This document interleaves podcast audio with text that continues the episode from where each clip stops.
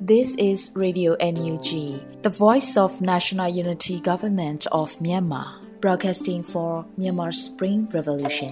Radio NUG is transmitting from shortwave 16 meter 17.79 MHz at 8:30 a.m. and 25 meter 11.94 MHz at 8:30 p.m. Myanmar Standard Time. မင်္ဂလာပါရှင်။ မြို့သားညီညွတ်ရေးအစိုးရရဲ့အတန်လွင့်ဌာန Radio NUG ကိုမနက်ပိုင်း၈နာရီခွဲမှာလိုင်းတူ16မီတာ19.89 MHz ၊ညပိုင်း၈နာရီခွဲမှာလိုင်းတူ25မီတာ17.6 MHz တို့မှာဓာတ်ရိုက်ဖမ်းယူနိုင်စေနိုင်ပါတယ်ရှင်။မင်္ဂလာအပေါင်းနဲ့ပြည့်စုံကြပါစေ။အခုချိန်ကစပြီး Radio NUG အစီအစဉ်လေးကိုဓာတ်ရိုက်အတန်လွှင့်ပေးနေပါပြီရှင်။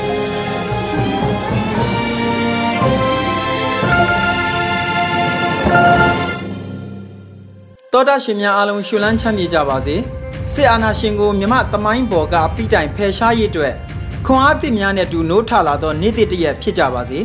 ရေဒီယိုအန်ယူဂျီရဲ့ဖေဖော်ဝါရီလ14ရက်နေ့မနက်ခင်းထုတ်လွှင့်မှုစီစဉ်တွေကိုစတင်တော့မှာဖြစ်ပါတယ်။ဦးဆုံးအနေနဲ့ကာကွယ်ရေးဝန်ကြီးဌာနရဲ့စစ်ရေးသတင်းအကျဉ်းချုပ်တွေကိုຫນွေဦးအလင်္ကာကတင်ပြပေးမှာဖြစ်ပါတယ်ခင်ဗျာ။ကာဝဲဝင်ကြီးဌာနအမျိုးသားညီညွတ်ရေးဆိုရမှထုတ်ဝေတဲ့ နေ့စဉ်စည်ရေးသတင်းချင်းချုပ်ကိုတင်ဆက်ပေးတော့မှာဖြစ်ပါတယ်။စကိုင်းတိုင်းမှာဖေဖော်ဝါရီလ23ရက်နေ့မနက်8:30မိနစ်ခန့်ကရွှေဘုံမြို့နယ်မြင်းစည်းကျွော်နေပြူစောတိကောင်းဆောင်လိုက်ပါလာတဲ့အိမ်စီကားနှစ်စီးကိုရွှေဘုံညောင်မတာလန်ကုံတာကုန်းကျွော်နီမှာခင်ဦးမြို့နယ် LPDF များမှပရိသာမိုင်းနဲ့ဖောက်ခွဲတိုက်ခိုက်ခဲ့ရာကားနှစ်စီးထိမှန်ပြီးပြူစောတိနှုတ်တေဆုံးခဲ့ကြောင်းသိရှိရပါတယ်ခင်ဗျာ။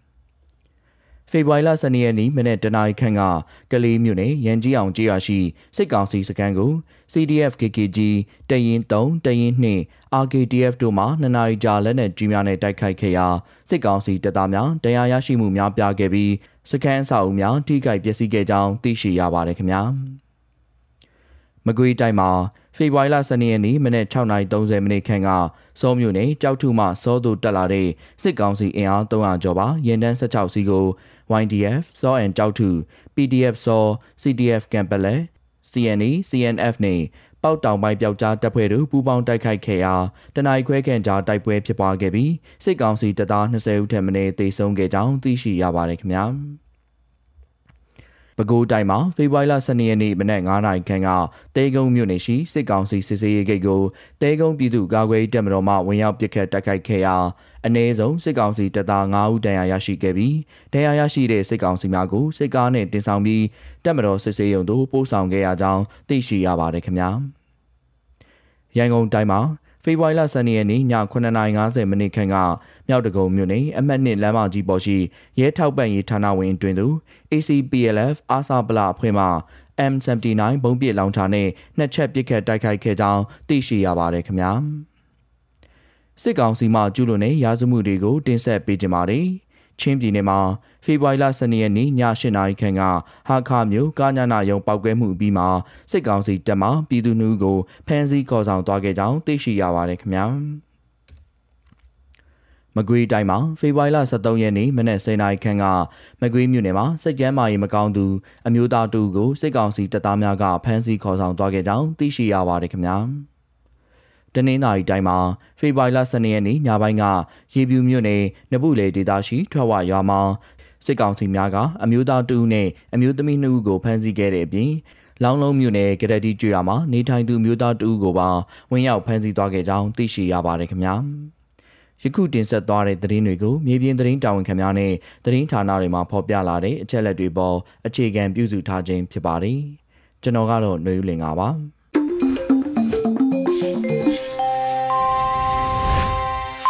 ရေဒီယို UNG ကဆက်လက်အတန်လှည့်နေပါတယ်စစ်ရေးသတင်းတွေကိုနားဆင်ပြီးမှတော့ຫນွေဥမွန်တင်ဆက်ထားတဲ့နောက်ဆုံးရသတင်းတွေကိုနားဆင်ရပါအောင်မယ်ခင်ဗျာမင်္ဂလာပါရှင်နောက်ဆုံးရသတင်းများကိုတင်ဆက်ပေးမှာဖြစ်ပါတယ်ခုတင်ဆက်မဲ့သတင်းတွေကိုတော့ Radio NUG သတင်းတာဝန်ခံတွေနဲ့ခိုင်လုံတဲ့မိဘသတင်းရင်းမြစ်တွေကအခြေခံတင်ပြထားတာဖြစ်ပါတယ်ကျွန်မຫນွေဦးမွန်ပါ ဆီယနာရှင်ရန်ရလဲပက်ရန်အထောက်ကူပြုနေတဲ့တောက်တိုင်များကိုခြေမုံဖြိုလဲသွားမယ်လို့ကင်းဒီပြည်နယ်အတိုင်းအမြံကောင်စီကအသိပေးထုတ်ပြန်ခဲ့ပါတယ်။ကင်းဒီပြည်နယ်အတိုင်းအမြံကောင်စီကထုတ်ပြန်ကြေညာချက်တစ်စောင်ကိုဖေဖော်ဝါရီ23ရက်နေ့မှာထုတ်ပြန်ခဲ့ပြီးအဆိုပါထုတ်ပြန်ချက်မှာစီရီယံဝန်ထမ်းများရဲ့အရေးကြီးတဲ့အခမ်းကဏ္ဍကိုဖော်ညွှန်းထားပါတယ်။ရိုင်းလဲနေပြီဖြစ်တဲ့စစ်ကောင်စီရန်နေရာများအဆုံးတိုင်းပြိုကျသွားစေရန်ဆက်လက်ပူးပေါင်းမှုကိုလည်းတိုက်တွန်းထားတာတွေ့ရပါတယ်။ အာနာသိန်းလုံရက်ကိုလက်တင်မခံသောပြည်သူတရက်လုံးရဲ့တော်လှန်မှုကိုစီရီယံဝန်ထမ်းများရဲ့အကြမ်းမဖက်လှုပ်ရှားမှုကတတတအားအင်အားဖြည့်ပါဝင်ခဲ့ကြကြောင်းထို့သို့ပူပေါင်းမှုကြောင့်သာတနေ့အတွင်းစစ်အုပ်စုရန်နေရများမတီးဆောင်နိုင်ပဲရိုးရင်းပျက်စီးနေပြီဖြစ်တယ်လို့ရေးသားဖော်ပြထားပါတယ်။ဖေဖော်ဝါရီလ3ရက်နေ့မှာအာနာသိန်းအကြံဖက်ဒုတိယအကြီးအကဲဖြစ်သူဗိုလ်ချုပ်မူကြီးစိုးဝင်းက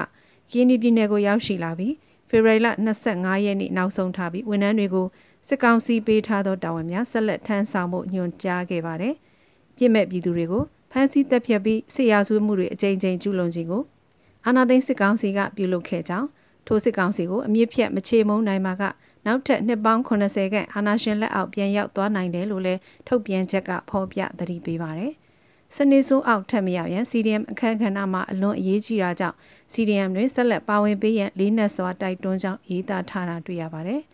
CDM ပြုလုပ်ခြင်းဖြင့်ပြည်သူနဲ့ပူးပေါင်းမှုတော်လှန်ရေးအားစုများကဖိတ်ခေါ်လာသည်မှာတစ်နှစ်ကျော်ခဲ့ပြီဖြစ်လို့အချိန်အားဖြင့်လုံလောက်ပြီဖြစ်ပါတယ်။ကီနီပြည်နယ်မှာစီရီယံမလုံဖဲစစ်ကောင်စီကိုတစ္ဆာခံနေတဲ့ဝန်ထမ်းအလုံးကိုယခုထုတ်ပြန်ချက်ထွက်တဲ့နေ့မှစပြီးစီရီယံပြုလုပ်ရန်ထပ်မံတိုက်တွန်းကြောင်းပါရှိပါတယ်။တတိပေးတိုက်တွန်းချက်များကိုမလိုက်နာဘဲကျန်းဖက်စစ်ကောင်စီရဲ့အုပ်ချုပ်ရေးရန်နေရာများလဲပတ်နိုင်ဖို့ဆက်လက်အထောက်အကူပြုမဲ့တောက်တိုင်အလုံးကို ခြေမုံဖြိုလဲသွားမယ့်အကြောင်းကင်းဒီပြည်နယ်အတိုင်းအမြံကောင်စီကသဘောထားထုတ်ပြန်ချက်မှရေးသားကြေညာခဲ့ပါတယ်ရှင်။မွန်ပြည်နယ်ရှိ LPDF မဟာမိတ်များတပ်ပေါင်းစုကခီးသွွားပြည်သူများနဲ့မိတ်ဆက်တွဲဆုံတဲ့တရင်ကိုဆက်လက်တင်ဆက်ပေးပါမယ်။ဗိုလ်ချုပ်မွေးနေ့ဖေဖော်ဝါရီလ23ရက်နေ့မှာ LPDF မဟာမိတ်တပ်ပေါင်းစုကိုတရားဝင်ဖွဲ့စည်းလိုက်ကြောင်းအသိပေးချက်နဲ့အတူမွန်ပြည်နယ်အတွင်းကဒေသပြည်သူကာကွယ်ရေးတပ်ဖွဲ့များဟာခီးသွွားပြည်သူများနဲ့မိတ်ဆက်တွဲဆုံခြင်းကိုပြုလုပ်ခဲ့ကြပါတယ်။မွန်ပြည်နယ်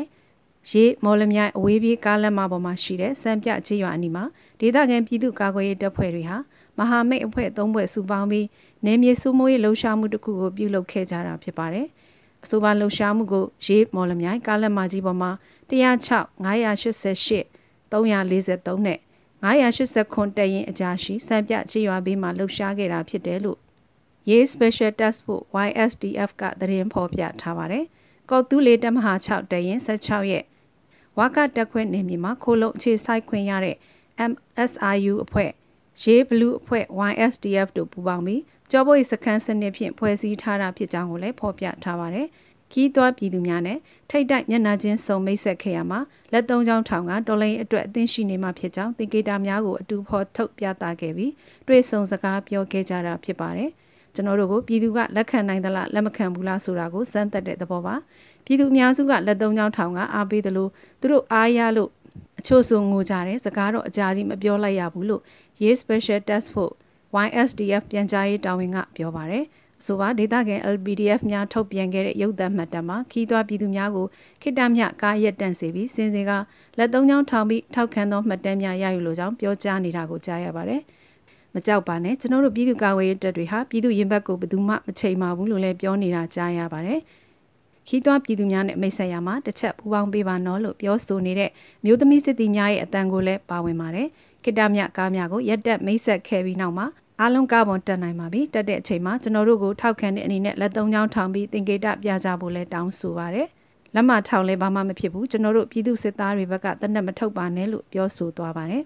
ဆိုပါစစ်ကြောင်းကဗိုလ်ချုပ်မွေးနေမှာကျွန်တော်တို့မော်လမြိုင်ရေးကားလက်မပေါ်မှာပြည်သူနဲ့ငင်းချမ်းချစ်ကြီးစွာတွေ့ဆုံပွဲလုပ်ခဲ့ခြင်းဖြစ်ကြောင်းအခုဆိုရင် ရေးမြုံနယ်မှာကွဲထွက်နေတဲ့ local PDF များအနေနဲ့တမဟာတစ်ခုအနေနဲ့စစ်ကြောင်းထိုးနိုင်ဖို့စတင်ပေါင်းစုနေပြီဆိုတဲ့အကြောင်းပြည်သူကိုတရားဝင်တင်ပြပါတယ်လို့အသိပေးထုတ်ပြန်ခဲ့တာဖြစ်ပါတယ်ရှင်။လွမြောက်ဖို့အတွက်ဒိုတွဲလက်အမည်နဲ့ဆီယာနာရှင်ဖြုတ်ချရေးရန်မုံငွေပွဲအစီအစဉ်ကိုမိတ်ဆက်ခဲ့ကြတဲ့သတင်းတပုတ်တင်ပြပေးပါမယ်။လွမြောက်ဖို့အတွက်ဒိုတွဲလက်ရန်မုံငွေရှာဖွေရေးကန်ဆယ်မဲ့အစီအစဉ်ကိုနော်ဝေနိုင်ငံမှာသတင်းသုံးနေထိုင်လျက်ရှိတဲ့ရွှေဝါရောင်ဆရာတော်အရှင်ထာဝရမှဦးဆောင်ပြီးအ မေရိကန်နိုင်ငံဝါရှင်တန် DC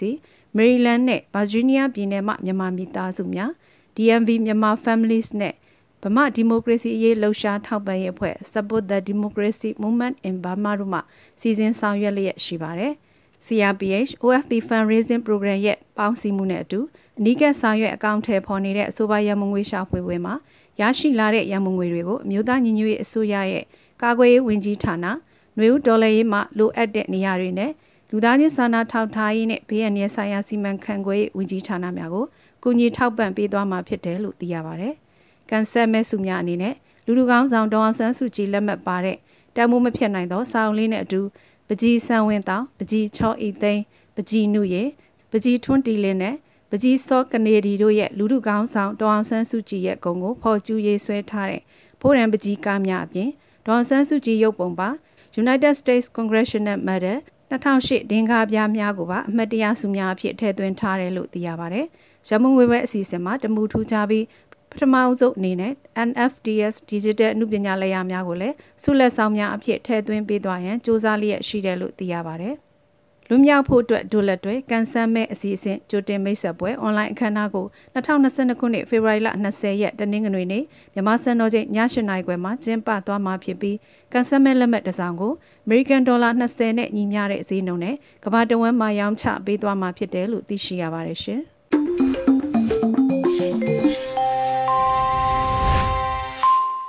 နောက်ဆုံးရသတင်းတွေကိုနားဆင်ခဲ့ရတာပါဆက်လက်ပြီးပြည်သူခုခံတော်လန်စစ်သတင်းများကိုတော့ကျော်နွေဦးကဖတ်ကြားပေးပါဦးမယ်ခင်ဗျာပထမဆုံးအနေနဲ့ချင်းပြည်နယ်မှာစစ်ကောင်စီရင်နှန်းကို PDF ပူးပေါင်းတပ်များတိုက်ခိုက်ပြီး စစ်ကောင်စီစစ်သား20ဦးသေဆုံးတဲ့သတင်းကိုတင်ဆက်ပါမယ်ချင်းပြည်နယ်နဲ့မကွေးတိုင်းအဆက်မှာအင်အား300ကျော်ပါဝင်တဲ့စစ်ကောင်စီရင်နှန်းကို PDF ပူးပေါင်းတပ်ဖွဲ့ကတိုက်ခိုက်ရာစစ်သား20ဦးသေဆုံးကြောင်း PDF ပူးပေါင်းတပ်များကသတင်းထုတ်ပြန်ပါတယ်။ဖေဖော်ဝါရီလ12ရက်နေ့နနက်6နာရီခွဲအချိန်ခန့်မှစတင်ပြီး YDF SAW and ကြောက်ထု PDF SAW CDF ကံပက်လက်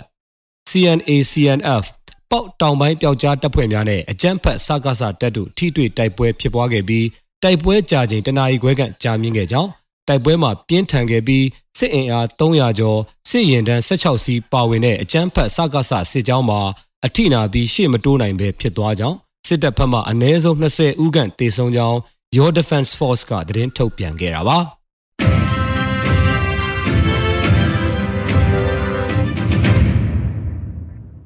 ဆက်လက်တင်ဆက်မှာကတော့ဘိုကလေးကွင်းချောင်းလေးကြေးရွာရှိစစ်ကောင်စီပိုင်မိုင်တယ်တာဝါတိုင်းကိုဒေသကာကွယ်ရေးတပ်ဖွဲ့များဖောက်ခွဲမိရှို့ခဲ့တဲ့တဲ့တင်မှာ AR တိုင်းဘိုကလေးမြို့နယ်ဗဘဲစုကြေးရွာအုပ်စုကွင်းချောင်းလေးကြေးရွာရှိအကြမ်းဖက်စစ်ကောင်းဆောင်မင်းအောင်လှိုင်မိသားစုပိုင်မိုင်တယ်ဆက်သွယ်ရေးဖုံးတာဝါတိုင်းနဲ့ဆက်ဆက်ပစ္စည်းများကိုဒေသကာကွယ်ရေးတပ်ဖွဲ့များဖြစ်တဲ့ဘိုးကလေး AR ဘီတာကြိုက်လက် AR ဘီတာနဲ့ AR ဒီလင်းပိုင်အဖွဲ့တို့ကဖေဖော်ဝါရီလ23ရက်နနက်2နာရီခွဲမှာ ဖောက်ခွဲမိရှို့ဖျက်ဆီးလိုက်ကြောင်းသိရှိရပါတယ်။ဖြတ်ပုံခရိုင်ပြည်သူ့ကာကွယ်ရေးတပ်ပေါင်းစု AR ဘီတာအနေဖြင့်တော်လိုင်းအင်အားစုများနဲ့ပူးပေါင်းကာအာနာရှင်စစ်ဘလူးများကိုအမြင့်ပြတ်သည့်အထိတွန်းလှန်တိုက်ထုတ်သွားမှာဖြစ်ကြောင်းပြည်သူများအနေနဲ့သတိပြုသွာလာနေထိုင်ကြရန်ဖြတ်ပုံ PDF AR Beta တပ်ပေါင်းစုကသတင်းထုတ်ပြန်ပါတယ်။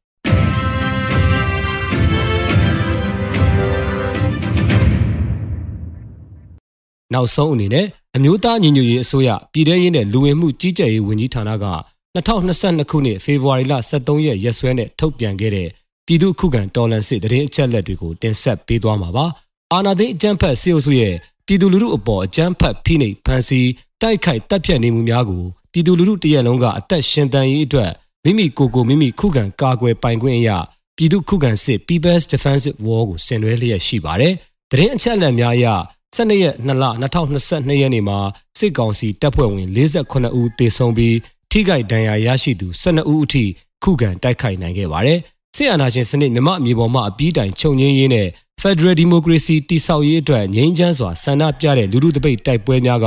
ပြည်내နဲ့တိုင်းဒေသကြီးများမှာဆက်လက်ဖြစ်ပွားပေါ်ပေါက်လျက်ရှိပါတယ်။မြေပြင်မှာတော့ယခုတွေ့ရတဲ့သတင်းအချက်အလက်များထက်ပို၍ဖြစ်ပွားနိုင်ပါတယ်ခင်ဗျာ။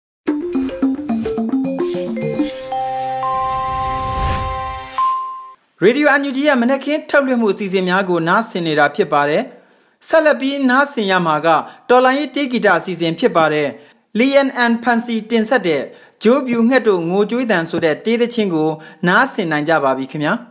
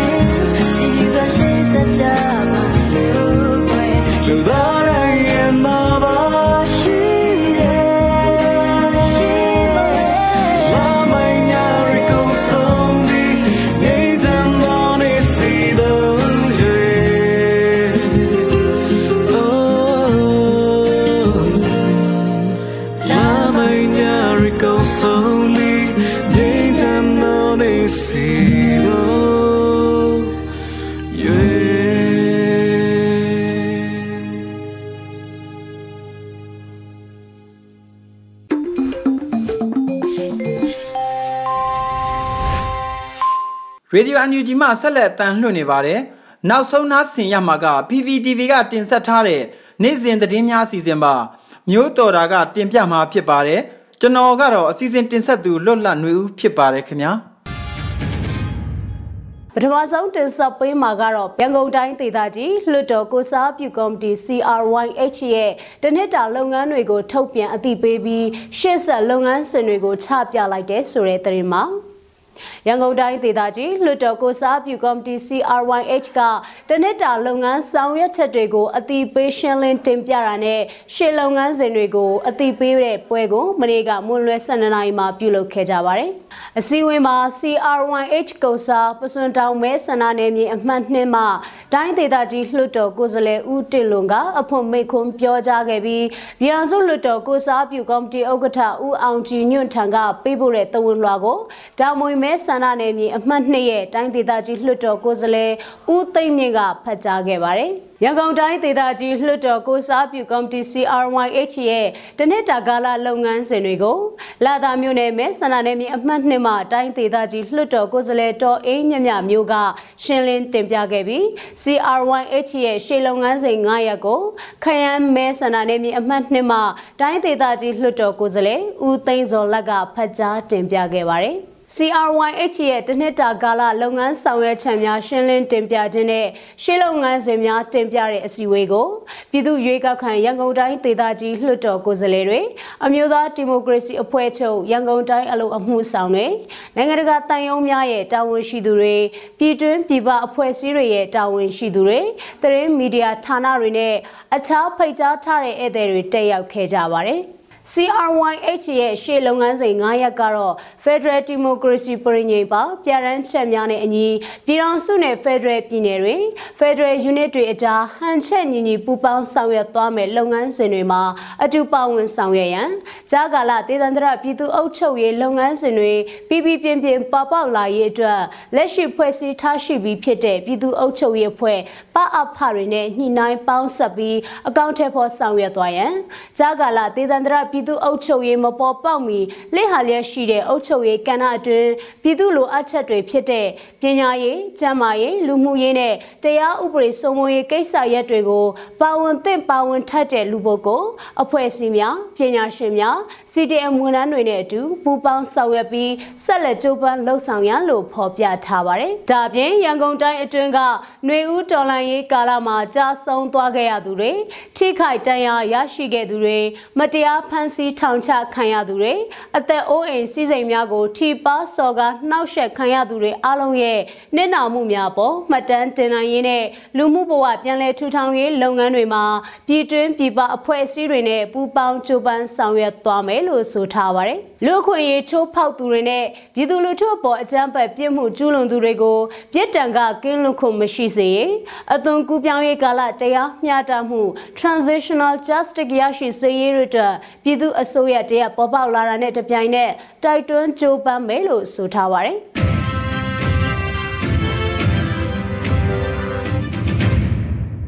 စိတ်ကောင်စီထုတ်ကုန်တွေကိုပြည်သူတွေကမယောင်းချဘဲနဲ့ပူပေါင်းပါဝင်မှုတွေလုပ်ပေးနေတယ်လို့ဖဲခုံပြည်သူ့ကာကွယ်ရေးတပ်ကသတင်းထုတ်ပြန်လိုက်တဲ့ဆိုတဲ့သတင်းကိုတင်ဆက်ပေးပါမယ်။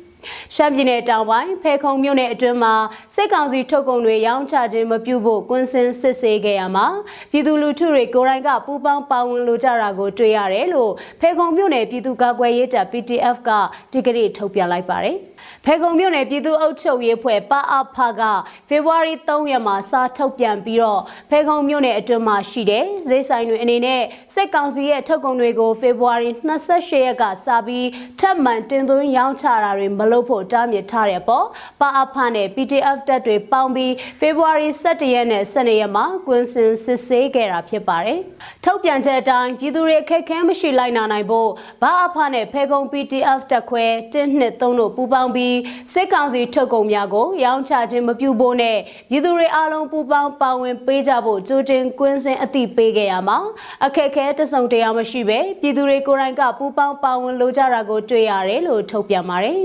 စစ်ကောင်စီထုတ်ကုန်တွေရောင်းဝယ်သယ်ယူခြင်းမပြုဖို့ဒေသအသီးသီးမှာရှိတဲ့ပြည်သူ့ကာကွယ်ရေးတပ်တွေနဲ့တိုင်းရင်းသားလက်နက်ကိုင်တပ်ဖွဲ့တွေကတားမြစ်ထားပါတယ် ဒါအပြင်စစ်ကောင်စီဝင်ငွေတောက်တိုင်တွေအားလုံးကိုတပိတ်မှောက်စံကျင်ရမှာပြည်သူလူထုအားလုံးပါဝင်ကြဖို့လဲတိုက်တွန်းထားပါတယ်။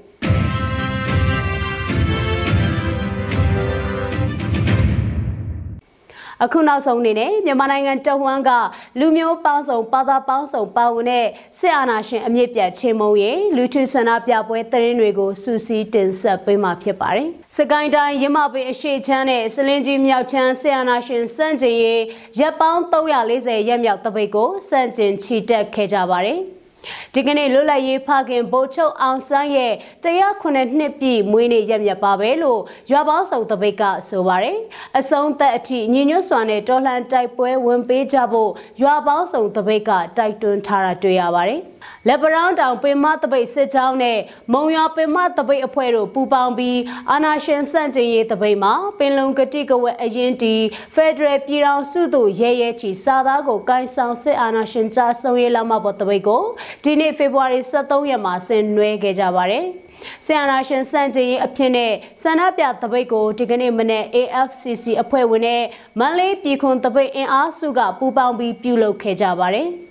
ဆန္ဒပြရဟန်းပြည်သူတွေကဆီယနာရှင်ကြဆုံရေး Federal Democracy ပြည်ထောင်စုပေါ်ပေါက်ရေးဖမ်းဆီးထားတဲ့ပြည်သူတွေအားလုံးကိုပြန်လွှတ်ပေးရေးတို့အတွက်ဆန္ဒပြဟစ်ကြွေးတောင်းဆိုခဲ့ကြပါတယ်။ဗိုလ်ချုပ်အောင်ဆန်းတရားခုနှစ်နှစ်ပြည့်မွေးနေ့နဲ့အတူဗိုလ်ချုပ်အောင်ဆန်းကိုအောက်မေ့တရိယာချင်းများစွာနဲ့အခုဖေဖော်ဝါရီ23မှာကြာရောက်တဲ့ဗိုလ်ချုပ်မွေးနေ့မှာအလေးပြုအခမ်းအနားပြုလုပ်ခဲ့ပါတယ်။ မလေးတပိတ်အင်အားစုကမြန်မာနိုင်ငံရဲ့လွတ်လပ်ရေးပြည်သူကအမျိုးသားအာဇာနည်ကောင်းဆောင်ဒေါ်လန်ရေးသမားစစ်သေးနာပတိဗိုလ်ချုပ်အောင်ဆန်းတရားခုနှစ်နှစ်ပြည့်အောက်မေ့ပွဲမွေးနေ့အခမ်းအနားဖြစ်တယ်လို့ဆိုပါရယ်စကိုင်းတိုင်းရေမာပင်မြို့နယ်စုံချောင်းရွာပြည်သူများကဆီယနာရှင်စန့်ကျင်သည့်ဆန္ဒပြချီတက်ခြင်းကိုလှည့်လည်တာကိုဒီနေ့မနေ့မှပြုလုပ်ခဲ့ကြပါတယ်။ ဆန္ဒပြပြည်သူတွေကအကြမ်းဖက်ဖက်စစ်ကြရှုံးရေးဟစ်ကြွေးဆန္ဒပြခဲ့ကြပါတယ်။တောင်ကိုရီးယားနိုင်ငံချန်ဝါမြို့တဲကူဆီယာရောနဲ့အတူတောင်ကိုရီးယားရောက်မြန်မာတွေစုပေါင်းပြီးအကြမ်းဖက်ဖက်စစ်ဆီယနာရှင်စန့်ကျင်ရေး BTF CTM နဲ့ NUG ထောက်ခံကြောင်းဆန္ဒထုတ်ဖော်တာနဲ့လမ်းလျှောက်ပွဲကိုဒီနေ့မှပြုလုပ်ခဲ့ကြပါတယ်။ အကြမ်းဖက်ဆီယနာရှင်အမြင့်ပြတ်ကြဆုံးရင်းနဲ့ Federal Democracy ရရှိရေးကြွေးကြော်ကပူတလင်မြို့နယ်ရဲ့တက်ကြွရဟန်းတန်ခါပြည်သူတွေကဖေဖော်ဝါရီလ23ရက်တွင်လှည့်လည်ချီတက်ဆန္ဒပြခဲ့ကြပါတယ်။ ရန်ကုန်မြောက်ဥက္ကလာမြို့နယ်မှာမြို့နယ်ចောင်းသားများတမကပကတများအဖွဲ့ချုပ်ကဦးဆောင်ပြီးဒီနေ့ကစစ်အုပ်စုကတတ်မှတ်ထားတဲ့နိုင်ငံတော်အလံကိုမီးရှို့ပြီးဒေါ်ရိုင်းဥပဒေအခြေခံသည့်ပြည်ထောင်စုဝါဒစန့်ကျင်ကြစာတန်းကင်ဆောင်ကဆရာနာရှင်စန့်ကျင်ရေးချီတက်ဆန္ဒပြခဲ့ကြပါတယ်။ ရန်ကုန်မြို့မှာပဲဒီနေ့မနေ့မှာဗမာနိုင်ငံလုံးဆိုင်ရာចောင်းသားသမဂ္ဂများအဖွဲ့ချုပ်ဘဂသများအဖွဲ့ချုပ် Not to Go Oppressed People's State Coalition NDOPSC ຫນွေဦးတပ်ပေါင်းစုအထွေထွေတပိတ်ကော်မတီတို့ကပူးပေါင်းပြီးတော့ထောင်တွင်းတိုက်ပွဲကိုဝင်ရန်ကြစစ်သုံးစစ်ကိုအမြင့်ဖြတ်ကြစာသားတွေကင်ဆောင်ပြီးဆရာနာရှင်စနစ်စန့်ကျင်ရေးချီတက်ဆန္ဒပြလှည့်လည်တပိတ်မှောက်ခဲ့ကြပါတယ်။ ဒါကတော့ဖေဖော်ဝါရီလ23ရက်ဆီယနာရှင်အမြင့်ပြတ်ချင်းမုံရေးလူထုဆန္ဒပြပွဲသတင်းတွေကိုစူးစီးတင်ဆက်ပေးကြတာပဲဖြစ်ပါတယ်။ကျေးဇူးတင်ပါတယ်ရှင်။ဒီကနေ့ကတော့ဒီညနဲ့ပဲ Radio NUG ရဲ့အစီအစဉ်လေးကိုခਿੱတရနာလိုက်ပါမယ်ရှင်။မြမစံတော်ချိန်မနက်၈နာရီခွဲနဲ့ည၈နာရီခွဲအချိန်တွေမှာ ပြန်လည်ဆုံတွေ့ကြပါစို့။ Radio NUG ကိုမနက်ပိုင်း၈နာရီခွဲမှာလိုင်းတူ16မီတာ19.8 MHz ညပိုင်း၈နာရီခွဲမှာလိုင်းတူ25မီတာ17.6